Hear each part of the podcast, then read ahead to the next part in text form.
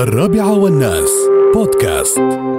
هني يقول آه، لا حالات غرق على شواطئ الحمرية خلال عام 2019 وإن شاء الله ولا 20 وما حد يغرق في أي مكان.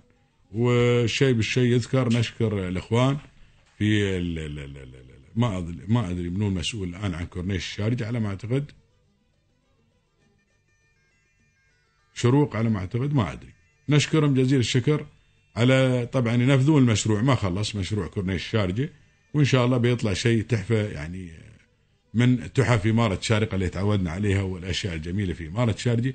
نشكرهم جزيل الشكر. الناس الآن يستخدمون الشاطئ. شواطئ جميلة. اللهم لك الحمد والشكر. رمال بيضاء نظيف وفي مساحة من الشارع لين هناك.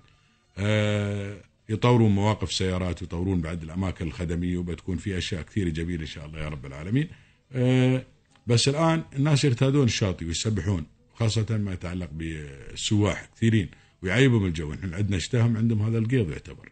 فيستانسون بالبحر. المهم حاطين لهم منقذين جزاهم الله خير على طول الشاطئ. لأن هني هيك الأيام في دواليب وايد قبل وايد دواليب بحكم قبل هني في على الشاطئ هذا. آه، في ال- ال- ال- ال- الكواسر هذه الكاسر الماي مسواي بالطول كذي. ما بالعرض مادين لا مسواي بالطول.